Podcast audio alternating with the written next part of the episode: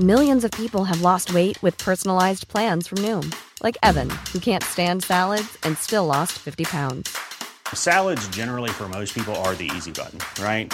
For me, that wasn't an option. I never really was a salad guy. That's just not who I am. But Noom worked for me.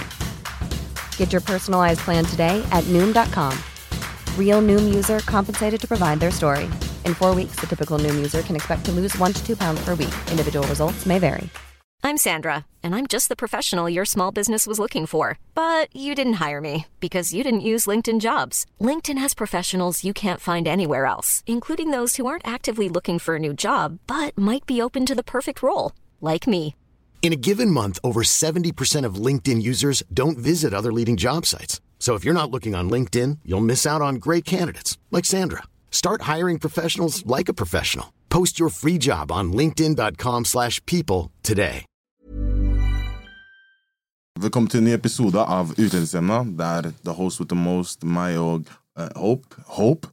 Build different. Si det med Build different, nigga. Yeah, that's us. Yeah. Så er jeg med brutter'n. Nasri fra Skjønte du? Pass pasningsen. Pasning. Eh, lage musikk, lage podkast. Lage podkast her. Skjønte du podkast? Go check that out for nigga. Nei, jeg, jeg, jeg lovte meg selv å ikke bruke n-ordet på denne podkasten her, så det der, så klipp det der ut. Eh, men ja, vi er, vi, eh, jeg lager podkast, lager musikk, og jeg er veldig veldig glad for å bli invitert hit. This gonna be dope. Din tur, bror. Jeg heter Rush, aka Poggy, aka Poggy Finesse, aka Poggy North, I'm saying? Hva gjør du, bror? Lager musikk, da. Eh, Hva slags musikk, bror? Det er R&B shit. Eh, Fløtemusikk. eh. Mustachio. Du vet, jeg har bart. Skjegget er borte. Fy faen, det er helt sykt. Steve Harvey looking ass. Jeg skal ikke lyve. Jeg skal ikke lyve. Jeg skal ikke lyve. En ting. Jeg hadde lyst til å komme til den episoden med dress og se ut som Steve Harvey og bare fucke med folk. Men det der som fucker. Nei, jeg skal ikke Grønn dra det. det det. Men i dag så er det sånn at uh, jeg vil snakke om kreativitet. Og hvorfor kreativitet er sånn Når jeg sitter og tenker på det, så er det sånn Det er både en blessing og en curse. ikke sant? Men at man vil jobbe med disse tingene her. Fordi du får så mye stress, så mye angst. Men det gir deg så mye. Når du endelig greier å få det ut. ikke sant? Og i hvert fall, som jeg har sett, da, er Jeg føler jeg har sett deg med musikk, og hvordan du har bygget din vei oppover, og hvordan jeg ser at du greier å vise mer av deg selv. Og jeg ser at ved at du har startet med musikk, så har du vært litt mye mer sårbar, og du tør mer å vise den kreative siden av deg selv. Og så hva skjer deg, liksom, Nasri? Sånn, av hva jeg ser av deg, er den Du er deg selv all the way.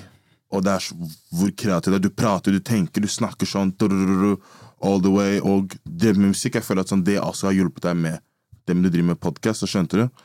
Og så er det håp, da. Som jeg har sett hvordan du starta også, kom hit, og bare hvordan du har strålt og blitt liksom den personen som Du har personlighet. Sånn, det er dope, det er heftig.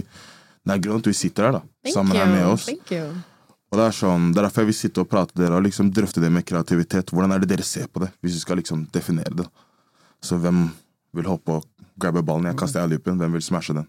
Jeg kan starte, jeg. Altså. Okay. Um, kreativitet, altså, som du sier, det, det, er, det er en curse og det er en blessing. Og det, er, det er jo naturligvis en veldig positiv ting. Det er noe som Kreativitet kan på en måte innspille på veldig mange forskjellige deler av livet. Det handler bare om å være innovativ, finne nye løsninger og de tingene her.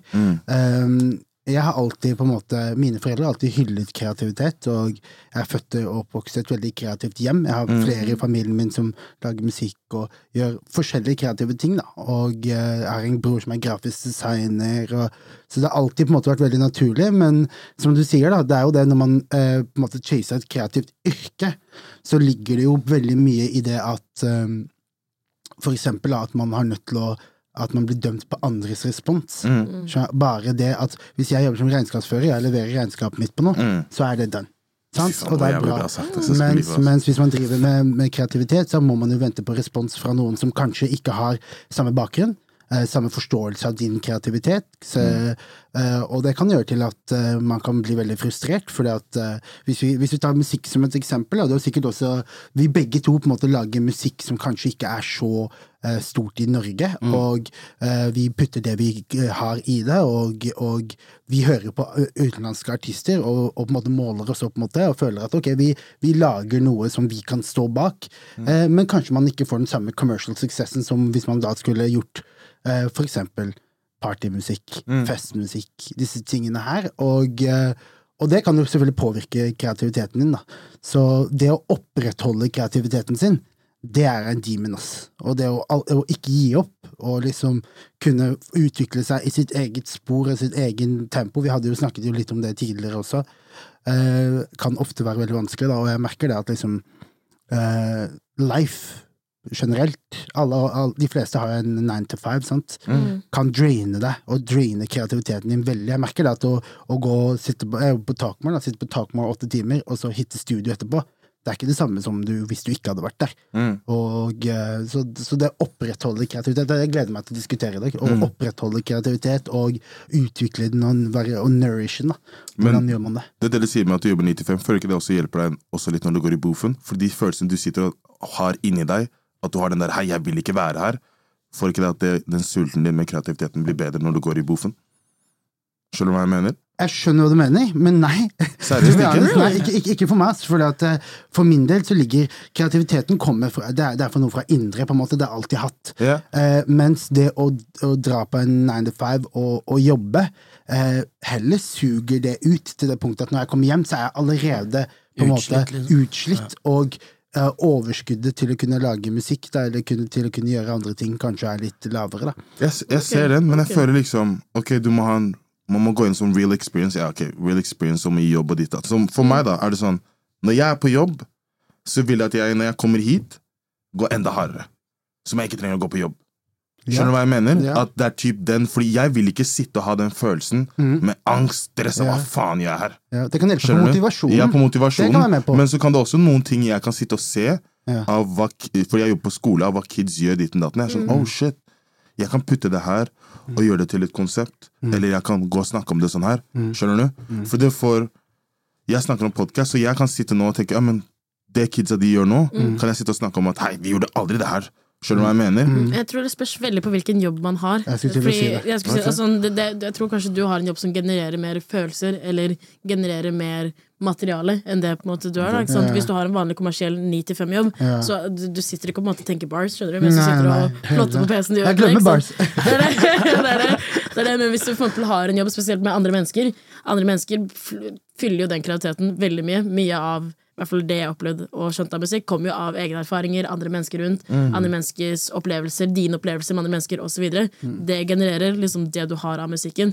Så jeg skjønner litt hva du sier, i forhold til at du egentlig føler at du mister mer av det, for du mister overskuddet. Ikke nødvendigvis bars, ikke nødvendigvis passion, ikke alt det, men du mister overskuddet til å yte de etterpå. Yes. Mm. Basically. Du sa det bedre enn jeg gjorde. Jeg agree. I agree.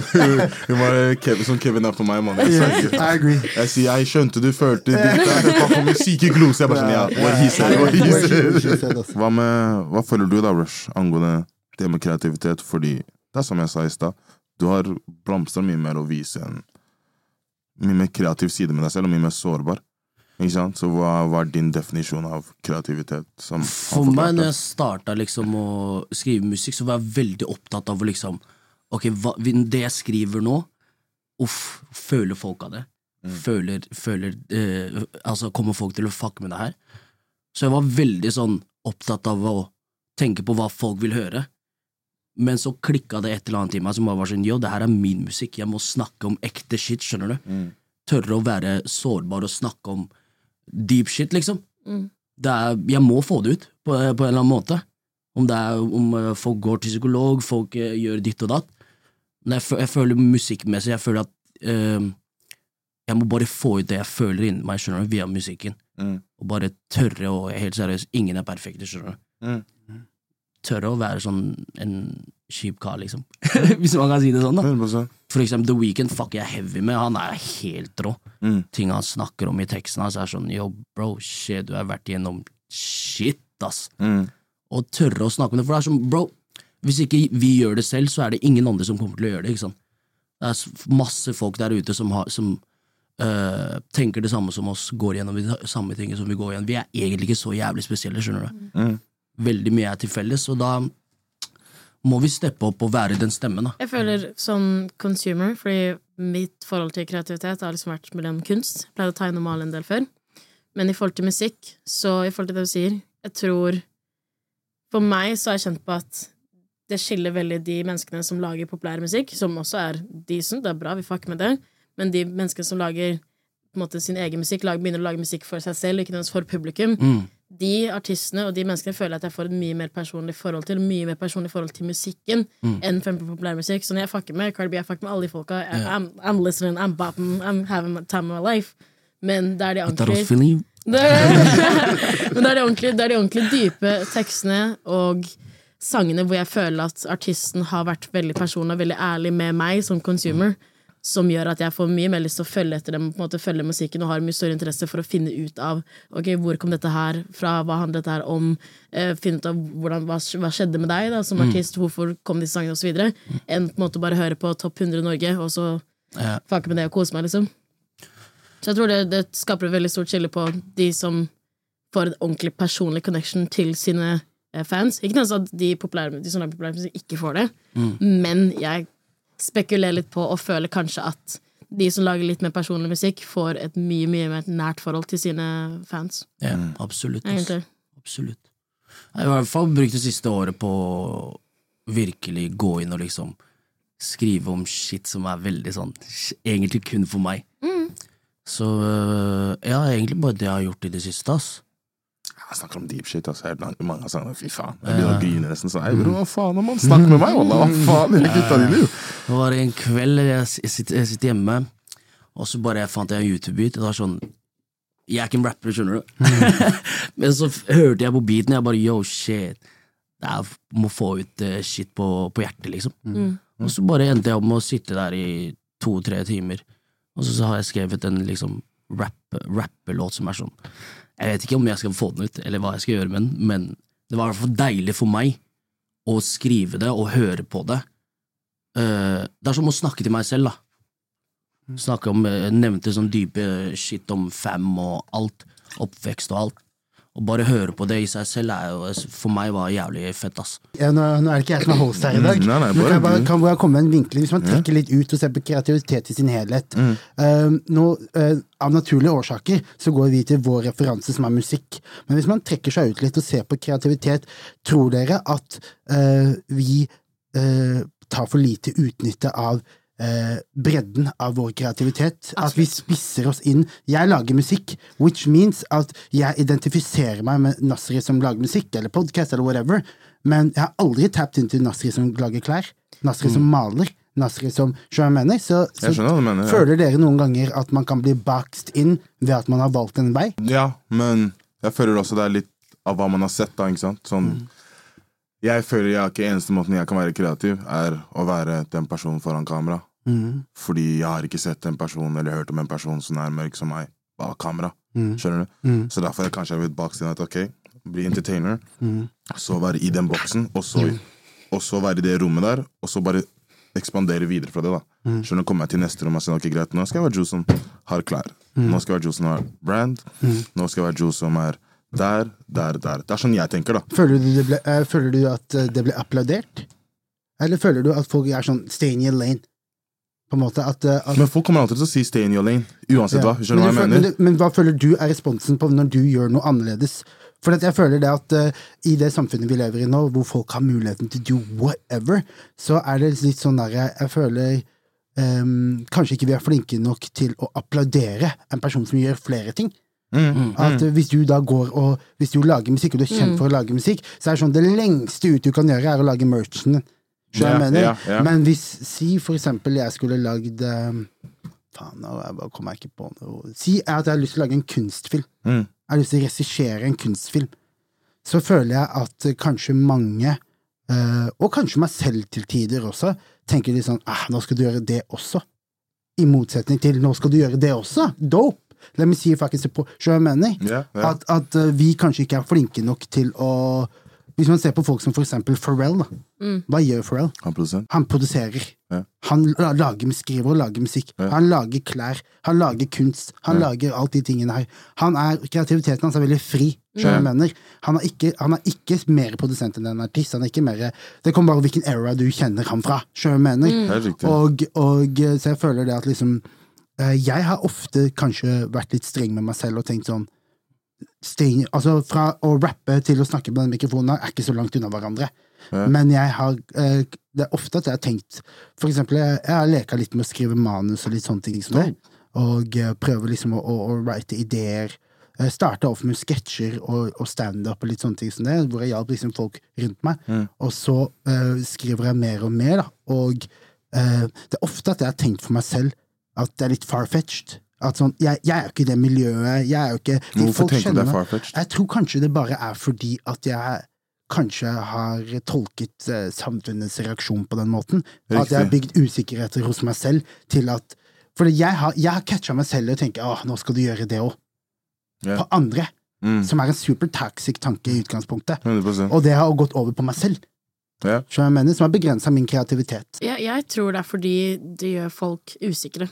Mhm. Jeg tror folk har et behov for å sette andre folk i ulike typer bokser. For ok, du er den personen, du gjør det, jeg vet hvor jeg har deg. Mm. Så fort du har en person som er mye mer spredt, som gjør mye mer, så tror jeg det gjør det vanskelig for folk å vite hvor de har en person, Mhm. og skaper en sånn usikkerhet som gjør at du kanskje ikke velger å heie på dem. Og generelt sett samfunnet også har en sånn ok, er du sanger, så er du sanger. Gjør du det, så gjør du det. Sånn, sånn, sånn, sånn. Så vi har ikke skapt så veldig mye rom for å kunne være kreativ på andre spekter. I hvert fall jeg merket det veldig, for før så drev jeg og tegnet, som jeg sa. Drev og tegnet og malte og syntes det var veldig gøy. Så gikk jeg på eh, kunstskole på VGS. K knakk kreativiteten min. Ferdig. Sånn, ja, det, er, det er over et år siden jeg har tatt om en pensel, liksom. Hvorfor det? Hva skjedde? Jeg, jeg gikk jo på videregående, treårig, KDA heter det. Shout-out til Edvard Munch, VGS, by the way. Um, og jeg var kjempeglad i å tegne, kjempeglad i å male, men kunst er så personlig. Eh, Både innenfor musikk, både innenfor maleri, både innenfor eh, tegning, skisse, whatever. Det er utrolig personlig. Så det å gå fra å lage noe som du gjør på fritiden fordi du bare kjenner for som det, da, at man har et utløp man har lyst til å male Det er flere ganger jeg bare sto opp klokken tre om morgenen og var sånn, ok, fuck it, nå skal jeg male. Tok det lerretet jeg hadde, og bare malte et eller annet, for jeg kjente på at det her hadde jeg lyst til å gjøre. Men når du går fra det til at du får tidspress, til at du får ulike krav, til at du får ulike ting som du må fylle, så i hvert fall for min del så gjorde det at jeg fikk ikke Det forholdet jeg hadde til kunst, forsvant jo. Når du begynner å få karakterer på noe som er personlig. Ikke sant? Det blir ikke det samme lenger. Og det tok, det tok skikkelig, i hvert fall på meg, så tok det skikkelig. Sånn, jeg har mista kjærligheten jeg hadde for å tegne. Men samtidig så åpnet det, som du sa, en helt ny verden for meg i forhold til kreativitet på andre måter. Eh, kreativitet på jobbing, bli med på sånne ting som er her. Eh, kreativiteten min når jeg snakker med ulike mennesker, når jeg møter dem, hva jeg velger å dele til dem, versus før, hvor kreativiteten min og hovedutløpet mitt kun var kunst, så holdt jeg mye mer tilbake i samtalene jeg møtte med andre folk, for eksempel. Ja, det er sånn. Men tilbake til det du nevnte også. Jeg tror oss mennesker generelt er så eh, For det første, fuck samfunnet. Gjør greia di, skjønner du? Men det er menneskelig av oss å liksom limitere oss selv, skjønner du hva jeg mener? Det er sånn, bro, hvis man vil gjøre shit, gå og gjør det. Skjønner du? Hvis du vil lage fete klær, gå og gjør det. Yes. Alt det her er bare oss selv som stopper oss i å gjøre de tingene vi vil gjøre. Absolutt. Hvordan tar dere imot kritikk på det? Kritikk? Kritikk på din kreativitet? Oh, shit. Fuck Jeg, jeg, jeg, jeg, skal ikke lyve. Sånn helt ærlig. Ja, Først på starten. Dritt. Ja. Dritt på det. Det knakker meg. Jeg er en gående vei. ja. Men så etter hvert så er det sånn Men noe av det de sier, er riktig. 100 Noe av det de sier, er feil. Ta det med en klype salt, skjønner du, og move on. Fordi til syvende og sist er det sikkert noe av det de sier, som kommer til å gjøre meg bedre. Absolutt. Og, e og ego er veldig tett oppknytta mot kreativitet også. Ja. I det at det er, som, som vi har diskutert, at det er ditt. Det er Ja. deg, og det er dine følelser. Så når folk sier til deg at dine følelser kan redigeres på denne måten, eller kan gjøres på denne måten, så hadde gjort det bedre. Og no, for, noen folk er ikke så veldig flinke til å gi kritikk heller, så de gir det på en kanskje litt harsh Ja, måte. Men jeg kan si i hvert fall for meg hvordan det starta, med det med kritikk og hvordan det kom. da Så er det sånn at Først, når jeg starta med podkast, så var det sånn ok, greit, du tar for, li du tar for lite plass. Så jeg sånn, ok, da, greit, da tar jeg for lite plass, da skal jeg ta mer plass. Og så ble jeg litt mer, og så ble jeg mer komfortabel. Nå du har for høylytt. Du snakker for mye. Nå må du tone det ned. Så er jeg sånn, bro, what the fuck is you talking about? Sånn, du sa til meg først at jeg måtte ta mer plass. Nå sier du jeg må tone det ned. Og så er det sånn, ok, greit. Da først, og så gikk jeg litt sånn, ok, greit. Ble litt sånn kanskje på meg selv sånn ah, shit, kanskje jeg tar litt for mye plass. Ditten, og datt, sånn, Men nei, det de egentlig mener, er bare balansere deg selv, egentlig. Men de sier det på feil måte, som du sa, med at det er hvordan de sier, sier til deg kritikk. For det den personen sa, var mest sannsynlig ikke feil. Hvis jeg greier å finne balanse på å vite å være akkurat på den linja, så kommer den personen foran kameraet til å fucke med meg. ikke sant? Og jeg føler det er det jeg måtte sitte og lære å forstå at ta det med en klype salt, ta det i noen av de tingene, for de sier kanskje på en ganske hard måte, men det er faktisk noe riktig med det. Og det er sånn jeg lærte de tingene. Så må du bare høre på hva slags type kritikk det er. skjønner Du Mm. Du kan ikke ta imot kritikk fra en random tjofe som ikke vet livet sitt. Nei, nei, 100%. Og så gå og bli skikkelig lei deg. Det er sånn, brr. Nei, nei. Høre hva de sier, og er det konstruktiv eh, kritikk? Fett. Nei, du tar ikke advice fra en kar fra Gamla som sitter og deler pils med gutta sine, og han har på seg munklerjakke. Bro, det går ikke. Du tar ikke lag-advice Han fra en person. bøyd så Skjønner du? bare Helt bøyd. Bror, du tar lag sånn, Bror, Bro, shut up, mann. Du driver og du, Kom igjen, da. Du holder vannflaske, du hadde vannglass, sett på sida av vodka. Faen. Men ja, ja. Det, er- det, er- det er de tingene der. Men hvordan tok dere imot kritikk når du tok faktisk opp det om din kreative arbeid? Det er litt interessant, faktisk. For når det kommer til um, musikken min og til podcastingen, så har jeg to helt forskjellige For at um, musikken min er mye mer meg, og mye mer på en måte tilknyttet til meg. Og da merka jeg at det var vanskeligere. Og, og jeg lager også musikk Eller liksom min type musikk er kanskje ikke det som de fleste lager. Og dermed så er det på en måte var det vanskelig for meg å ta imot kritikk i starten. Jeg ble bedre på det, men jeg merka at det traff meg egoet. Og egoet er generelt noe som jeg har battla på, på alle felt i livet, egentlig. At uh, man må på en måte um, Man kanskje har tilbake til det med kultur og religion og alle disse tingene her. Som mann så har man liksom eh, i mange tilfeller kanskje blitt eh, hyllet for å ha et sterkt Altså, en sterk mann er en person som står sterkt på sitt, og de tingene her. Og det kan også kanskje hemme deg fra å kunne utvikle deg på mange punkter, fordi at man krever jo at folk sier noe til deg. Folk gjør, har gjort det før deg, og disse tingene her. Uh, men på um, podcastingen, der er jeg ganske sånn Akkurat det samme som deg. Folk som sier ja, du tar for mye plass, du prater for mye, du. Og så Men der har jeg på en måte Der gjør det ikke like Jeg merker at det gjør ikke like vondt, fordi at jeg har jeg er veldig sånn jeg er liksom sånn, kanskje jeg har større ego på musikken. Da. Her på podcasting så er jeg helt nybegynner. Jeg har ikke gjort dette før. Dette er, eh, jeg har spilt inn ti episoder av Skjønte podkast og gjort et par greier med Marius tidligere, men annet enn det så liksom har jeg aldri gjort noe. Så når noen sier noe til meg der, så tar jeg ikke det tar jeg ikke så hardt til meg, da, som med musikken. Men eh, jeg har opplevd det at, det, at eh, i eldre tid, da, når man begynner å måte analysere sin egen behavior og disse tingene her, så begynner man å skjønne at å, det er en rød tråd i mange ting i livet. Akkurat det med egoet, og ego-kill og de tingene der. Og som en eh, eh, Ikke for å gå helt uh, Dr. Omar Jansen for det, men, men, uh, men det som er tingen, er at som en svart mann i Vesten spesielt, så, sitter det, eh, så har vi veldig mange stereotypier om hvordan en mann skal være. Uh, og den maskuline energien som uh, man på en måte nesten har blitt tvunget til å tap into heavily. Uh, som gjør til at man ikke får den samme balansen mellom maskulin og feminin energy, som gir deg nuance, og som gir deg muligheten til å kunne utvikle deg, da, som jeg mener, på veldig mange ting. Fordi at for eksempel det med å ta imot kritikk, drepe sitt eget ego, eh, ha muligheten til å omvende seg, ha muligheten til å liksom se, finne løsninger, er jo som oftest ting som kvinner har, som ikke menn har. Og, eh, og det er ekstremt viktig at man embracer begge deler av seg selv og sin egen på en måte, energy. da. Og eh, det, det er noe som jeg har jobbet med på eh, mange aspekter av livet, da. og som jeg fortsetter å jobbe med, for det er liksom en lifelong greie. da. Men ja, så, det, så jeg tror mye av det ligger i eh, kultur og oppvekst og disse tingene her, sammen med eh, folks møte med deg. Det er ikke mitt møte med de, for jeg er født og oppvokst i Norge, jeg er, vant til det norske samfunnet, men dems møte med deg forventer en viss type energy i både på en måte Nå går jeg litt på utsiden av det vi akkurat snakket om, men på en måte i, i møtet ditt med eh, for eksempel statlige instanser, leger, politi, alle disse tingene, eller bare så enkelt som med women. Mm. Så jeg mener at når de møter deg, så forventer de en viss type energy, og vi møter også med onkler og tanter hjemmefra de tingene her. Så det er liksom, det er liksom eh, Jeg tror det ligger mye i det også, at eh, vi har visse forventninger med oss som kanskje begrenser oss på mange måter, spesielt med den ego-tingen. For min del så har jeg alltid likt å tro at jeg har vært veldig flink til å ta imot kritikk, mye pga. oppvekst. At man har oppvokst en husholdning hvor du får mye kritikk, og på en måte mye pirking på hvordan du er, måten du prater på, hvordan du kler deg, osv.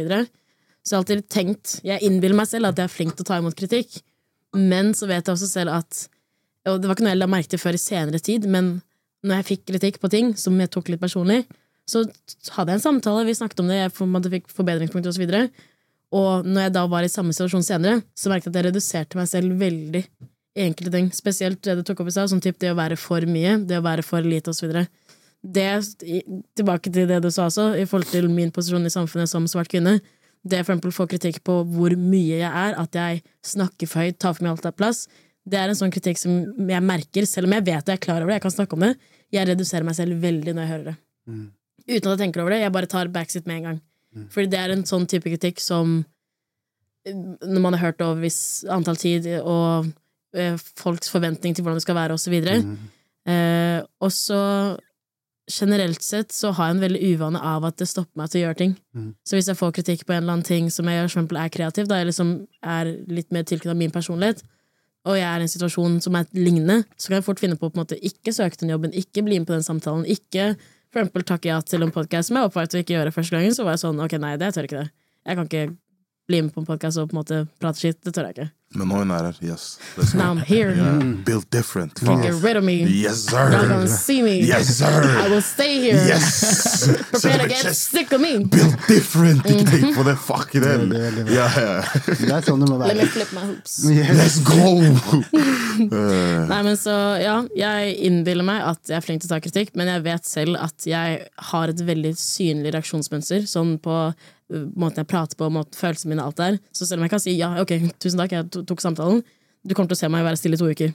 Selv om jeg ikke vil engang, men sånn jeg bare kjære av seg selv. Det skjer seg selv. Mm.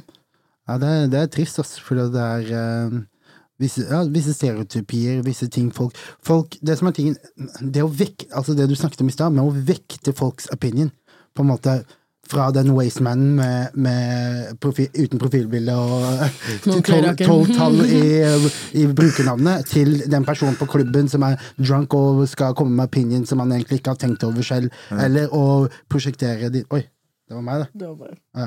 Vi prosjektere, det. prosjektere sine usikkerheter på deg, og de tingene der, den syns jeg er vanskelig. For at eh, alle, vil ha, alle vil ha en opinion, alle vil si noe hele tiden. Men folk er dårlige til å heie på hverandre. Sånn dønn ærlig. Generelt sett, vi, vi har snakket om det før i forhold til svarte folk, svarte kvinner også i samfunnet generelt sett.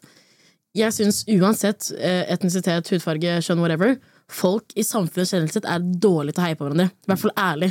Du vet sånn, ok, du er en vennegruppe, du gjør noe, så har du de venner som er sånn 'Å, herregud, gratulerer', eller ikke sant? Jeg føler at folk skriver det fordi det er det som er normen, men jeg føler at i, i familie, blant annet, i vennegrupper, eh, i institusjoner, på jobb, alt der, folk er dårlige til å heie på andre på en ærlig måte. Du sier bra jobba fordi det er det du skal gjøre, men jeg tror, ikke, jeg tror ikke det er mange nok folk som faktisk har hverandre i ryggen på en ordentlig, ordentlig, ordentlig måte. Og da, da, jeg tror bare det går videre og genererer alt. At folk generelt sett ikke tør å heie på hverandre. Folk tør ikke å pushe om til å gjøre nye ting. Folk kritiserer, har mer negativt å si når folk går utenfor den rammen som du er vant til, som du er komfortabel med, enn å heie på dem når de faktisk prøver noe nytt. Absolutt. Ja, men det er, jeg mener liksom det er jealousy, altså, eller jealousy, sjalu. Fy faen, jeg må slutte å kaste så mange engelske ord. Man. Mennesker hater på meg. Eh, men jo, jeg tror det er fordi folk er sjalu altså, 100% når det kommer til de tingene der. Fordi de tør ikke å gå ut av den rollen de har putta på seg selv. Og så ser de en annen person gjøre det, så er det sånn Nei, fuck it, come back down. Du skal være sammen med meg, fordi vi skal ikke gå. Så, men ja, det er veldig sant at du sier, at vi ikke støtter hverandre. Men jeg føler det er ganske vanlig. Ja, veldig vanlig, ass. Fordi Ja, det føles nesten som det er sånn vanlig sånn en, Ja. en norgesgreie, liksom. Ja, men ok, du vet, når du For sier det utlandet, bro, de, de, okay, de så- har ryggen din som du, du, legit, liksom. du sier det. Ok, jeg dette her er sånn Jeg tenkte sånn ofte. Så har jeg vært her, så er det folk som artister som han, som Marius har hatt, som har kommet hit. Og så hører jeg hvordan de snakker om byen sin. Så er det sånn Oh shit! Det er akkurat sånn som vi snakker om Oslo. De har samme problem som oss. De sier i ut, Men her så får vi mye mer kjærlighet. Og så er det sånn Shit, alle sammen sitter med samme grad, samme mindset. Så vi må egentlig starte med å gi kjærlighet. Det høres jævlig weird ut. Nå er det som fuckings DJ Khaled. God damn. Men det er Det er egentlig bare det at det må starte med oss, og vi må gi kjærlighet til hverandre. Sånn her i Oslo og med vennekretser, og så går det videre. Fordi vi sitter og sier ja, ja, next man heier ikke på meg. Han heier ikke på meg, så fuck han, jeg skal ikke heie på han. Men fuck it, greit, han heier ikke på deg, hei på han. Gi han kjærlighet. Skjønner du? du? Du kill hate with love. Så det er liksom, jeg føler det er sånn man må gjøre det, fordi han Jeg husker eh, Hva heter han igjen, da? Jeg har ikke lyst til å si navnet hans feil. Du vet han der klikk, klakk, du vet ditt, Ja, han der. Hæ? Alave. Jeg sa det riktig. Alave. Han, Ja. han også sa noe om det, liksom før uh, Når han var her, så sa han noe sånn om ja, litt mer utenfor, så heier de ikke på sånn Stockholm, ditten datten. Og så er jeg sånn, ah, shit, ok. Niggas the same here in Oslo, men jeg tenkte fuck it, jeg skal bare holde kjeft. Og så han her i Oslo, de fucker med meg og ditt datt. Han, han lagde sang med det, Jeg må fact-checke meg selv. Han lagde, hvem var det han lagde sang med igjen her i Oslo? Beethoven. Ja, Beethoven. Fy faen, sykt sykt navn. Beethoven, what the fuck, man? Ja, men uh, de Han hadde sang med de, han sa ja, de var dope, de ga kjærlighet, ditt datt. Så det er sånn Og så Ardi sa det samme når han var her. It's that time of the year. Your vacation is coming up. You can already hear the beach waves, feel the warm breeze, relax, and think about work. You really, really want it all to work out while you're away. Monday.com gives you and the team that peace of mind. When all work is on one platform and everyone's in sync, things just flow wherever you are. Tap the banner to go to Monday.com. Millions of people have lost weight with personalized plans from Noom, like Evan, who can't stand salads and still lost 50 pounds. Salads, generally, for most people, are the easy button, right? For me, that wasn't an option. I never really was a salad guy. That's just not who I am. But Noom worked for me. Get your personalized plan today at Noom.com. Real Noom user compensated to provide their story. In four weeks, the typical Noom user can expect to lose one to two pounds per week. Individual results may vary. Og da var jeg sånn shit, ok, det starter med oss igjen, ass. Fordi de sitter og tenker vi i Oslo er jævlig spa, og vi har hverandre. Men vi alle sammen her har vært i Oslo ofte, og vi hører alltid jævlig mye baksnakking. Alltid Men jeg føler når man er De er jo De har jo visst liksom eh, Hva skal jeg si? De har jo nådd litt, da. Jeg tror det er veldig eng Det er lett, lettere for, for oss å heie på dem når de har eh, Når de er nesten pika i sin karriere, skjønner du? Mens jeg føler vi må bli enda flinkere på å heie på de som er på veien. 100 Ikke bare heie på dem når de har nådd shit. Det er veldig vanlig, sånn, det er helt riktig det du sier, men det er veldig vanlig. Det er en saumentalitet. Ja. Men jeg tror, Ja, sorry, fortsett. Ok, det, det, jeg tror også det er fordi de som kommer utenifra, vi kan kun dømme dem på det de gir oss. Det vi først ser, eller det de gir oss, er det vi kan dømme på. Folk som vi er oppvokst med, venner osv. Vi har sett alt sammen, så jeg tror vi har mye mer å ta og pirke på med de menneskene rundt oss, enn for eksempel de som kommer utenfra og kommer inn hit, og de er sånn 'Å, jeg føler jeg får så mye kjærlighet', det er fordi det eneste vi har å ta det på, er det du gir oss. Ikke sant? Mens med oss internt, vi, vi kjenner hverandre, vi er, man er som en på jobb, man er som privat osv. Man har mye mer å plukke fra. Så jeg tror man tar med mye av kritikken på andre ting. Sånn, du tar med oppførselen på jobb eh, videre til hvordan det er i studio. Da, ikke sant? For, ok, greit, du var drittsekk på jobb i dag, så da tenker jeg ikke at musikken er shit. Ikke sant? Fordi du oppfører deg sånn og sånn. og sånn. Mens med de som kommer utenfra, det er det vi ser. Det er det vi har. Ja, jeg skulle faktisk si noe jævlig bra, men jeg glemte det. Jeg sverger. For de fikk meg til å tenke sånn, ja, jeg skal komme med et dumt svar nå. Du må Jeg høre, det, vet du. Jeg sverger. Ja, men det, det, det, det det. Da kommer det egentlig bunn og grunn Det vi snakker om, er jo alt det med kritikk. ikke sant? Med hvordan vi ser på hverandre. Og som du også sa, og som du sa, det er sånn Du sa du mista mye av kjærligheten din fordi det ble karakterer satt på det som er så personlig for deg. Sant? Vi kritiserer hverandre ditt datt, så det er sånn Å nei, jeg mista det igjen, altså. Jeg er på en podkast, og jeg mister ordet jeg Dra skal si. tilbake til kreativitet, tror jeg. Helt riktig. Det er det jeg skal gjøre. Er at Da vi driver og kritiserer kre, kre, kre, kreativiteten til. Kreativiteten til mennesker som er ganske sykt. Og det er det jeg synes at Hvorfor skal det være sånn? Skjønner du? Hvorfor skal ikke en person få lov til å male hvis de skal male? Hvorfor skal ikke en person få lov til å lage musikk hvis de skal lage musikk uten at vi skal si noe på det? Men det er jo sånn det er blitt tatt uansett med kreativitet. Det er sånn Du får jo Spellemann, du får jo P3 Gull, du får jo Grammys. Alt sammen blir kritisert uansett. Du får en positiv- vurdering. Ja, eller en negativ måte. For at en person som driver med noe kreat- kreativt skal bli verdsatt, så gir han en premie. Han får en Billboard Top 10. Så det er de tingene der jeg syns er jævlig bra, men like mye syns jeg det er wack. Fordi da blir det et visst type press på kreativiteten din. at du føler at du må levere uansett hva. Hvis folk kunne egentlig bare slutte å tenke på de tingene der, så tror jeg det hadde vært mye magical shit som hadde skjedd. Men fordi vi må arrangere disse tingene her, Ja. så føler jeg når du skal sikkert slippe musikk, så må du si at den her må bange. Ja, for, I hvert fall for, for, for meg det som lager musikk, så, altså consumers, liksom. De, de glemmer at vi er mennesker, som jeg mener? De vil ha mer av deg. De, bro, det er sånn flere meldinger jeg får. Yo, nå kommer neste, nå kommer neste, nå kommer neste. Det er sånn, bro, jeg er menneske. Jeg går gjennom shit i livet som jeg også må fikse opp i. Og ikke misforstå, jeg jobber fortsatt med musikken, men akkurat eh, liksom, man må ta seg tida til å bli god da, i hodet. Og folk glemmer det. Folk blir nesten som dyr, bro. Det er som de blir ah, Give me crack, skjønner du? Ja, men sånn, sånn. ja, for eksempel Rihanna. Som eksempel. Hun stoppet jo, jeg vet ikke når siste albumet hennes var ute, men hun har jo vært veldig stille en veldig god stund. Måten folk, i hvert fall det er det jeg har sett, måten folk har vært så på henne for at hun ikke har kommet med nytt album. Når kommer nytt album? Når kommer ny musikk? Så er det sånn, bro, er det ingen som ser det hun har gjort i mellomtiden? Yeah. Er det ingen som ser sminkebrandet hennes, som nå har blitt I don't know, it's, it's popping off. Uh, vet dere, um, Savage X Fenty, eller noe sånt? noe? Fenty. Don't drag me. Um, anywho. altså, ingen Jeg føler at samfunnet generelt sett, og spesielt verden, Mary Hannah, har bare ignorert den delen der. Fordi For dem så er det liksom musikken det er, det er kun den eneste kreative utløpet som funker for dem.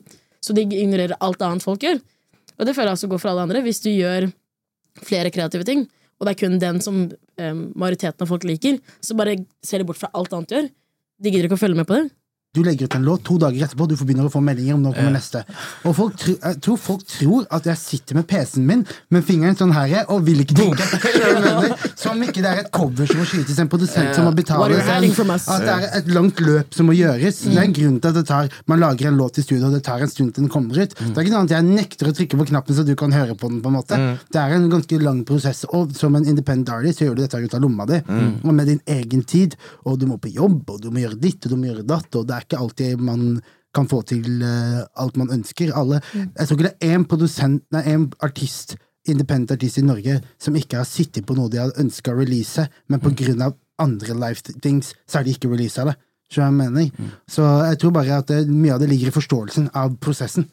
For folk tror man går i studio, sant? fordi de hører, de ser uh, Hakim eller whatever da, gå i studio, og så filmer de ut en snippet, og så høres det bra ut, og så tenker de 'Å, jeg vil ha den i morgen'. Får vi den på fredag, eller? Som om ikke det må mikses, ikke mastres, ikke Man må gå igjennom teksten en runde til, man må sant? Så det er en veldig lang prosess, og folk må bare forstå at ok, fordi at jeg ikke har eh, Fordi at jeg viste en låt, eller teaser en låt, eller whatever, så betyr ikke at den låta der er ferdig. Den må jo gjennom mange ledd før den, skal, eh, før den eventuelt skal ut, da. Så det, man må bare respektere snakke, snakke til folk med litt respekt når det kommer til de kreative tingene. da. Både på hvis man ønsker å gi kritikk, for oftest vil man jo gi kritikk fordi man bryr seg. Sant? Det må også artisten også forstå. At som oftest jo, altså Det er jo enten hate eller love det kommer fra. på en måte Og majoriteten er jo love. At ok, jeg skulle ønske de gjorde det sånn og sånn og sånn, sånn at vi kunne gjøre det sånn og sånn og sånn. Så jeg mener.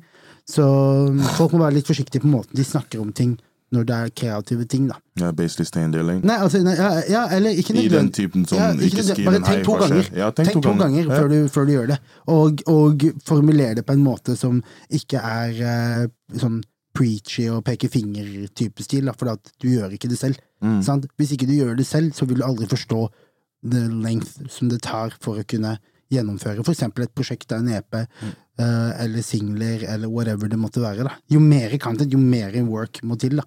Det er jo folk som eh, sitter et år og jobber på et prosjekt, eller to år og jobber på et prosjekt. Så det er jo Ja, ting tar tid. ting tar tid, og ting trenger finansiering, og ting trenger mix og master, og de må gjennom flere ører. Og... Så hvis du liker en artist, så give him time. La han få lov til å Om det er Rihanna eller Frank Ocean eller whoever de sitter og venter på om dagen, så er det sånn, du må gi den personen tid til å kunne lage det han vil. For det verste som fins, verste følelsen, det har jeg gjort selv, og i ettertid sletta, er å gi ut noe fordi at du ser på klokka. Sant? Du har gitt ut en singel, og så begynner klokka å tikke, og så begynner du å kikke, og så har du en låt eller to der. Du er ikke helt sikker på den, men du er så redd for at du skal miste lytt... Eller du tenker inn hodet ditt du kommer til å miste lyttere, og så du bare gir ut et eller annet, og så resonater ikke det, og så går det rett i depresjon liksom, Ikke depresjon, men da går det rett i liksom, ditt eget hode, da. Og da begynner du å Og da dreper Det føler jeg var mye av det som drepte drepte på en måte min lyst til å gi ut musikk, fordi at jeg hele tiden, hver gang jeg ga ut en låt, så begynte, jeg, å- begynte det å brenne. Ok, nå må jeg ut med neste. Eller, uavhengig om det går bra eller dårlig, egentlig, så føler man liksom på det presset. da. Så man burde, man burde, hvis du skal lage, hvis du er glad i en artist, give him some time, gi han space. Eller gi han, gi han heller på en måte motivasjon ved, gjennom å erkjenne den kunsten du allerede har fått av han. Enn å liksom ja, 'Nå kommer det ny, nå kommer det ny. Ah, men jeg syns du burde gjøre dette. jeg synes du burde gjøre dette. For det bare begynner å stresse en person. Og til slutt, du vil ikke ha en wack Frank Ocean-sang. Nei. Sant? Du vil ikke, man vil jo ikke det. Så heller gi ham tid til å lage den skiten som er dope, da. Ja. Som ofte tar tid. Når du snakket om det med at folk har si 'stay in your lane', ditt da. Og er det noe dere har sittet og tenkt som dere ikke har fått gjort, fordi dere har tenkt at dere må stay in your lane? Alle sammen her. Oh. Det er noe altså, m- okay. Jeg har ideer om hva jeg vil gjøre i fremtiden, Ja. liksom, men det er sånn, akkurat nå er det bare fokus på ett sted først. Ja. Så forhåpentligvis vil det åpne andre dører etter okay. hvert. Så. Men la oss si det er noe du ikke har fått gjort som du har lyst til å gjøre før. Og hvorfor har du ikke gjort det? Har dere svar på det? Podcasting. Hele tiden har jeg, sånn, det, Du vet ikke hvor mange år folk har sagt ja, du må begynne å snakke på kamera, du må begynne å gjøre disse tingene her.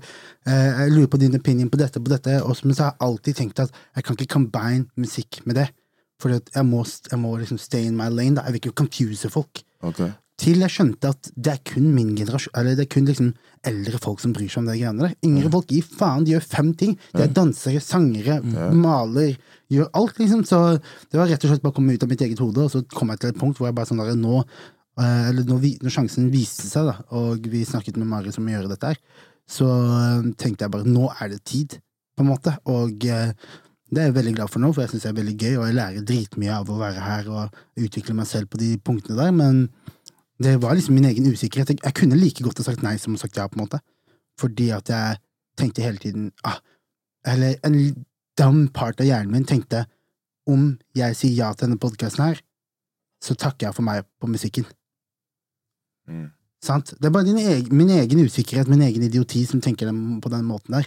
Mens nå skjønner jeg jo det at ved at jeg takker ja til denne podkasten åpner det seg dører. Nå kan jeg jobbe med flere. Flere har sett ansiktet mitt, folk skjønner hvor mye jeg brenner for dette. Og Spesielt musikk og liksom hiphop kultur og de ting, og hvor mye jeg kan om dette. Så nå har andre dører åpna seg. Nå kan jeg jobbe med folk som ikke jeg kunne jobbe med tidligere. Så det gjorde egentlig det helt motsatte. Og så kan jeg, gjør jeg det på en måte Kan gjøre det ved siden av In Silence, som jeg selv vil, på mitt eget premiss. Som har gjort til at honestly, jeg har begynt å få loven tilbake for det. Jeg merker jeg gleder meg til studio, og jeg gleder meg til å jobbe, Heftig. og alle de tingene der. Det Så kommer en, det kommer en ny nasseskive. Åh, forhåpentligvis. Men okay. når? I have no idea. Nå, nå jobber jeg bare, prøver å finne soundet mitt og finne liksom hva de tingene jeg har lyst til å gjøre. Fortsatte på det sporet jeg starta off med, men som hoppa av når man begynte liksom å jeg var såpass heldig i starten at jeg fikk liksom jobbe med Lars Vaular, jobbe med store folk jeg har sett mye opp til, liksom. Legender. Og som gjorde til at ting begynte å bevege seg kjapt inni hodet mitt. da mm. jeg mener? Og jeg tenkte å, nå må jeg gjøre det, nå har jeg den låta her ute, nå må det komme. Jeg mener? Og det drepte det hele den greia, men nå begynner det å komme tilbake igjen. Jeg føler studio, jeg syns det er gøy å jobbe igjen. Og det er viktig. Kommer man til å se en collab av dere to, eller? Ja, hun med Sier maybe, ikke nei til det, ass. maybe, maybe det. Sier ikke Det er Something might be brewing. det der smeller, skjønner? Fy faen. Det smeller, ja. For real, det smeller. Jeg hadde ikke sagt nei til det. ass Det er bare fett. ass Coverbildet vil være ballott med banan på siden. Skjønte du? Yes! Det er Too hard! Too hard! Sverger. Very, very. Det var Kaos. Absolutt. Og ed- også det også. Eh, tilbake til det med usikkerhet rundt kreativitet. Mm. Eh, jeg merka det også at det gjør til at kanskje ikke folk collaber like mye. At eh, collaboration, mange collaborations? At mange collaborations stopper av din egen usikkerhet. Fucker han med meg? Liker jeg musikken han? Ja. Eller liker han musikken min? Eh, de ting, vi er ikke kanskje på samme nivå, som gjør til at ikke du kontakter han. Som gjør til at great music blir ikke laget. True. Sant? Og det kan være folk som, for min egen del, kan det være folk som er fuckebra å møte til vanlig, men jeg aldri har tur til bare hei, skal vi stikke i studio? Som om det koster penger å liksom lage, gå i studio og prøve å lage en låt sammen. Blir det ikke bra, så blir det ikke bra. Blir det bra sånn, Jeg har opplevd det at, liksom, at vi har gått inn i studio, og så har jeg begynt å skrive. Og så vi, den kreative flowen flyter, så merker jeg at dette her er ikke en sang for meg og deg, dette er en sang for deg. Men jeg hjelper deg å, å skrive den. Hokus pokus, plutselig du har en låt som er jævlig dope som, eh, som kom ut av vår inter eh, kreative interaction. Da. Så det er liksom sånn, jeg føler eh, kreativitet stopper er, blir fort stoppet av, liksom at du overtenker ting, har dårlig selvtillit og høyt ego og alle disse tingene her. da. Jeg kan si meg skyldig i, i, i det, ass. Det er sånn, man tør, jeg tør liksom ikke å reach ut til folk, skjønner du? Mm. Som jeg vet jeg kunne ha gjort noe bra shit med. Okay. Men jeg er veldig opptatt av det liksom øh, Opptatt av at øh, folk skal ville jobbe med meg fordi de fucker med shit det jeg gjør, skjønner du? Mhm. Enn å være sånn overfladisk shit. Ok, det er bag i bildet uansett. Mm. Du får penger uansett for sessions, et eller annet. Mm.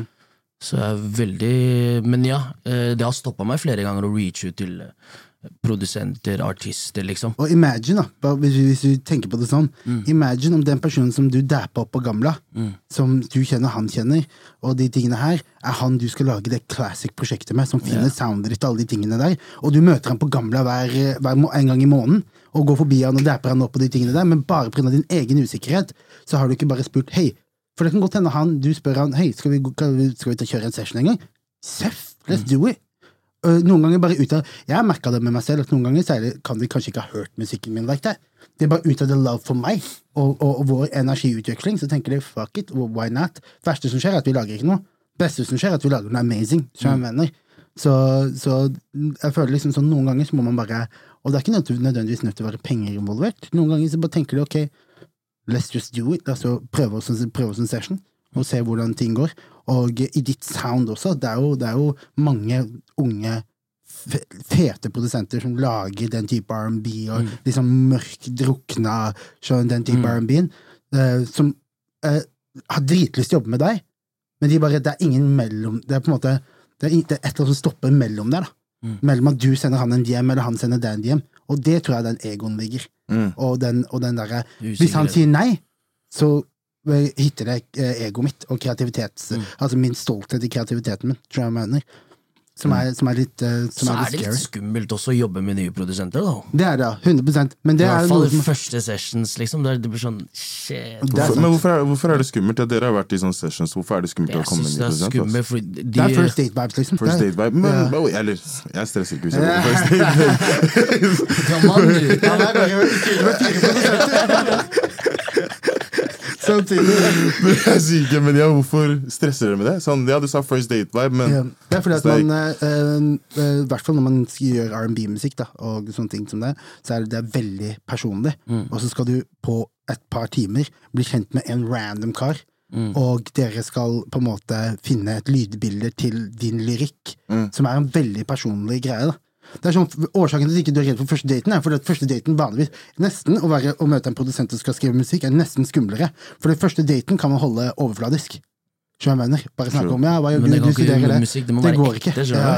Og hvis det er overfladisk, så har du waste and session. For det kommer ikke til å bli bra, mest sannsynlig.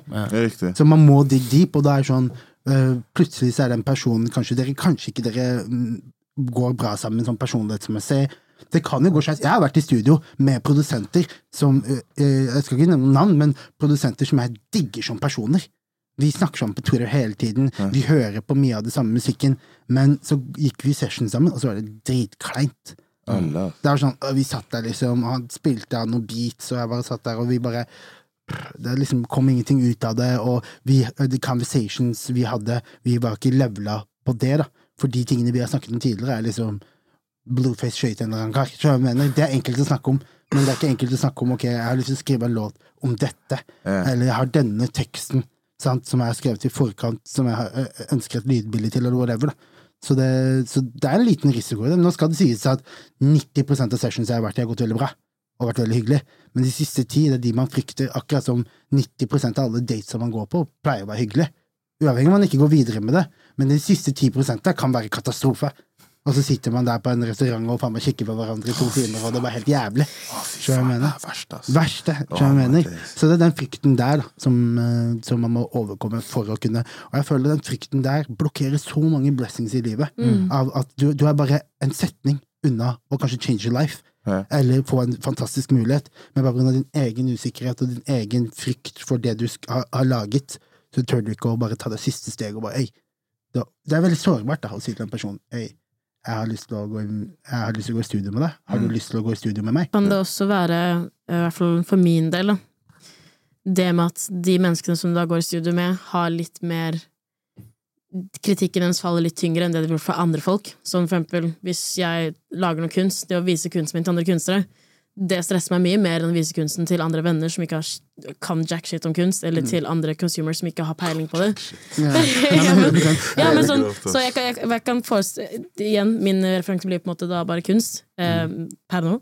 Eh, og jeg kan se for meg at kan det også være en faktor for hvorfor også en del folk holder igjen. Fordi en ting er hvis jeg kritiserer musikk, jeg kan ikke jack shit om musikk, bortsett fra å høre fra dem og danse til dem.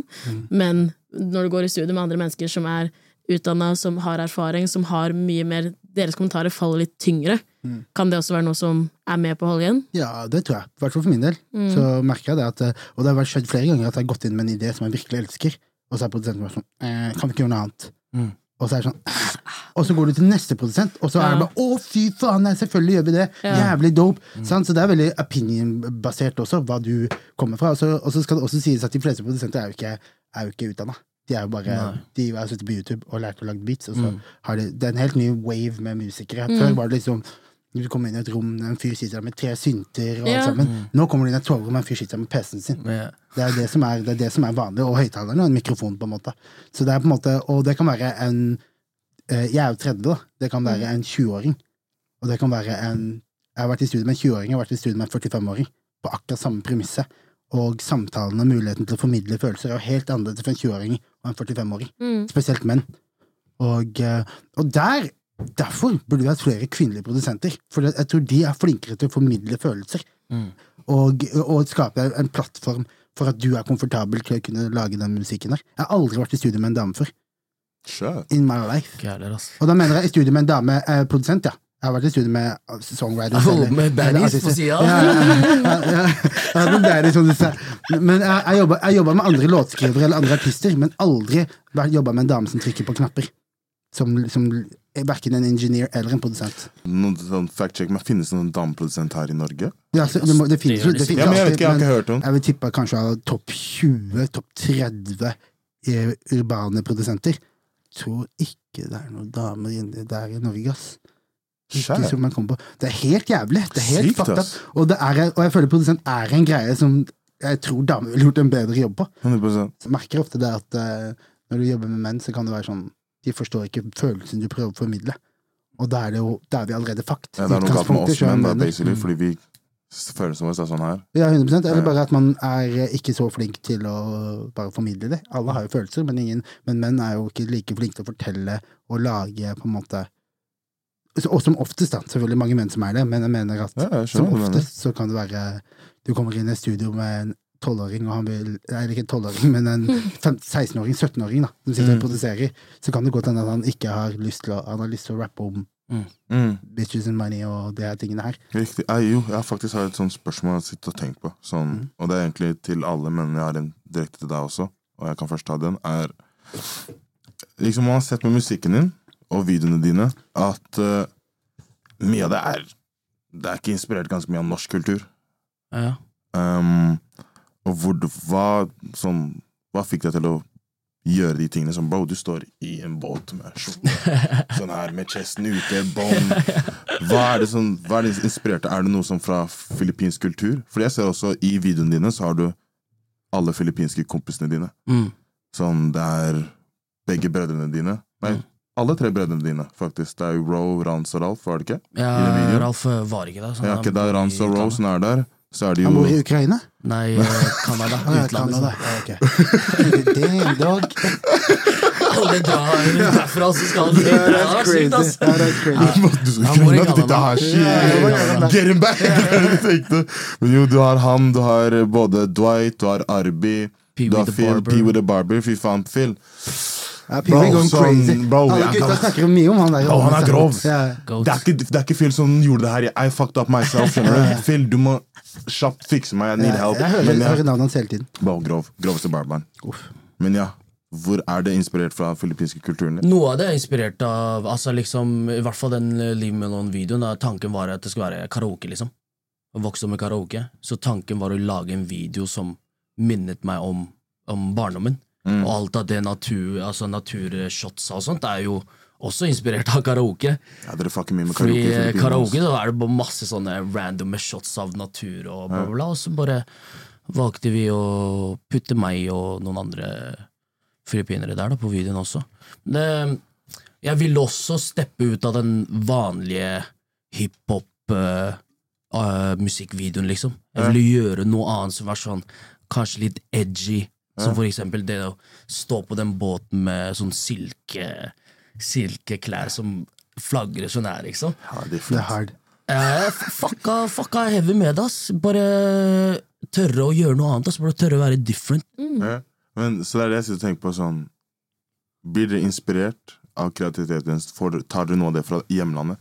Fra liksom litt fra Somalia? Mm. 100, 100%. Hva er det du henter Kan fra jeg bare legge til ett spørsmål, et spørsmål til det du snakket om?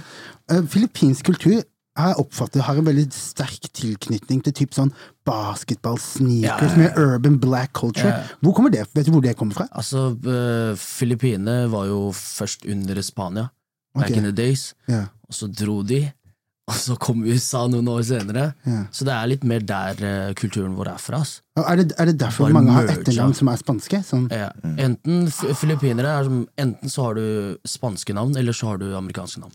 Så, Eller en blanding. Wow! Amerikansk Det er interessant.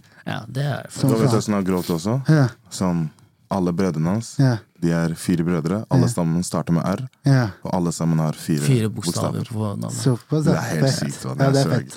Det er så fett, ass. Jeg lover, det er helt sykt. De kan starte, et grått Men driver noen av de andre brødrene dine med musikk? Nei, eh, altså vi sang jo masse karaoke back in the days, liksom. Mm. Uh, men uh, lillebroren min uh, spilte litt piano og liksom tok sangtimer og bla, bla, bla. Men så har han begynt å elske basket mye mer. Da. Det, Ja. han får bare gjøre sin eh, greie. ass. Men Føler du karaoke påvirket deg til å starte med musikk? Absolutt. For Det er det jeg mener, sånn, det er veldig sterkt i sånn alle filippinere, alle, Filipp, alle mine filippinske venner, alle sammen har gjort karaoke. Ja. Alle. Jeg føler det er sånn seriøst asiatisk Ja, ting. Sånn der eh, thai og Det er en vibe, ass. Dra på karaokebar. Uff. Jeg syns det høres jævlig Jeg har aldri vært på karaokebar. Jeg synes det høres Seriøst? Aldri never. Virkelig? Bro, det er grovt, det er Men skal jeg ta dritfett. Bro, Ja. Ja! Ja, Det er faktisk. så Det gøy. Det er gøy. verst. Du du sitter der, du synger. det helt fucked ut, men når dere svarer, tenker jeg kanskje jeg skal det. Du skal bli dritlættis, jeg lover. Fy faen, Han har en helt sinnssyk video av alle oss gutta sitter og synger. og dit. Wow, det, det hørtes Den mest tonedøve kompisen vår driver og synger. Han du er wack! Det, det, det, er det, som er, det er det som er fett med karaoke, for det åpner for at liksom For at jeg føler ehm, Dans, der har man jo et alternativ som er utesteddans. Som alle kan gjøre. Og så har man profesjonell dans. Så det er på en måte to uh, forskjellige instanser innenfor samme greie. da Mens når det kommer til sang, så er det ikke noe utestedssang. Så jeg føler sang er litt sånn derre uh, Hvis man ikke kan synge, så synger man kun i dusjen. Mens karaoke åpner for at hvem som helst kan synge. yes. Og det er mye glede. Somalia er blitt, eh, blir ofte kalt eller referert til som the land of the poets. Mye av, vårt, mye av vår historie og kulturarv har blitt formidla gjennom eh, tekst og, og poetry. Så det at jeg driver med å skrive låter, skriver andre ting, eh, manus og de tingene der, tror jeg bare indirekte har kommet gjennom det. Og min mor og min far er veldig great storytellers. Bestefaren min. Alle de tingene her. Så det er, jeg føler jeg har fått veldig mye av det. Det makes sense. Bro, har du noen gang hørt en stille somalier? Det makes så Where? Mye sense, jeg, ass, kjenner, bro. jeg kjenner én introvert somalier. Av everybody. Alle andre er Det er en del av kulturen å prate og fortelle og formidle og de tingene her. Så jeg har eh, så Jeg tror veldig mye av det, årsaken til at jeg liker å snakke om, all- om all types of shit, er jo på grunn av der jeg kommer fra. da At vi har du sa det der, sorry, men ikke for å avbryte, men du sa det med storytelling som moren din, faren din og Bro, det er derfor du har grov storyteller. Yes. For bro, Når du forteller meg en historie, jeg lever meg skikkelig inn i den historien. ja. Bro. Moren min er helt syk på det der. Hun er sånn, hun, men mamma har en tendens til å adde så mye detaljer at man kommer vekk fra målet. Fordi hun skal create ambiance og skal fortelle om alle de tingene. Så det er, men, men 100 det er der jeg har fått det fra. Spesielt fra moren min. Mm. Gråt og Så, så 100% Som- Somalia har betydd, Somalisk kultur har betydd veldig mye på hvem den personen jeg er, og måten jeg ut, uttrykker min kreativitet på. Ting make så mye sense når du la det fram sånn her. Mm. Sure. Det er derfor somaliere ofte er funny. Ja, Man, man mener, man, det er en av stereotypiene som allerede er funny. Og årsaken til det er fordi at du må tell them stories. Så jeg mener, Man sitter der ute, ute i en eller, annen, en eller annen landsby. Man sitter alle sammen rundt. You need to talk that talk. Du kan ikke si nei, er introvert, jeg gidder ikke prate. Okay. Det er, ain't nobody gonna listen to you ever. Jeg mener? Så det, er, så det er 100% Det har jeg fått veldig mye derfra. Kan jeg ett spørsmål til deg før vi wrapper opp? Mm. Dette er bare sånn sharp quick. Diddy. Puff Daddy. Ja, han somalier. 100 somalier. 100%, Han han er fra Mogadishu. Måten han prater Ja, ja. hele tiden, hele viben hans han ser ut. Han er er somalier. Ja, du er gæren. Fy faen. Abdi Didi. Jeg- Jo, jeg har en uh, Det jeg tenkte som Vi sitter og prater kreativitet, og før vi rapper opp nå, så har jeg liksom en challenge til dere. Ja. Um, jeg vil dere skal virkelig finne noe som Dere trenger ikke å si det nå, men jeg vil egentlig Det går egentlig til alle sammen som sitter her i rommet. Mm. Virkelig finne noe som du har lyst til å gjøre kreativt, mm. og tenk på hvorfor ikke du har gjort det. Mm. Og så skal du lage en plan for deg selv, at du skal gå og gjøre det. 100 Til listeners også, er dere som følger med. Sånn, ja, til alle sammen. Som bare lag en plan for at du skal gjøre det, fordi når du strukturerer din, din kreative greie, Mhm. så kan du gjøre mye sykt med det. Liksom, og vi sitter jo nå proof av det med Marius fra Jul-TV. Mm. Sånn, han var kreativ. Han er, han er kreativ. Han Mm. strukturerte det. Mm. Og så på grunn av det så kan vi sitte her nå, oss fire, på den plattformen og prate om kreativitet. Absolutt. Så det er, det er min challenge til dere. Og det er min challenge til meg selv også. Absolutt. Det er en fin challenge. Altså, Mm. sånn Cheetos-shit eller yeah. noe sånt. Det det er en fin challenge. Yeah. Den er jeg likte den. Jeg likte den. Og, da, og eh, hvis jeg får adde til, til alle dere hjemme også Hvis dere nå har jeg tenkt gjennom dette her og gjort det, så kommenter i kommentarfeltet. Så Faen, du er broren min! Faen, du er broren min! Så får vi Du har var slik, jeg sverger! Fy faen! Ja, ja. Det der er ren TikTok-content. jeg følte meg it. Greit, men ja. Takk for meg. Jeg mener det på ekte. Det var jævlig dope å ha den samtalen med dere. Absolutt. Jeg føler meg litt litt for fikk komme, det var hyggelig. Absolutt. jeg føler meg litt mindre insane når jeg prater med folk som er like insane som meg. skjønner du? Ja, Så det er dope. Så takk. Wallah, Veldig, veldig Takk hyggelig å bli invitert til Woke Hill TV. I might fuck around and get a mustache myself. Etterpå vil alle komme i bart. Yes. jeg. Yes, takk. Like, kommenter, subscribe.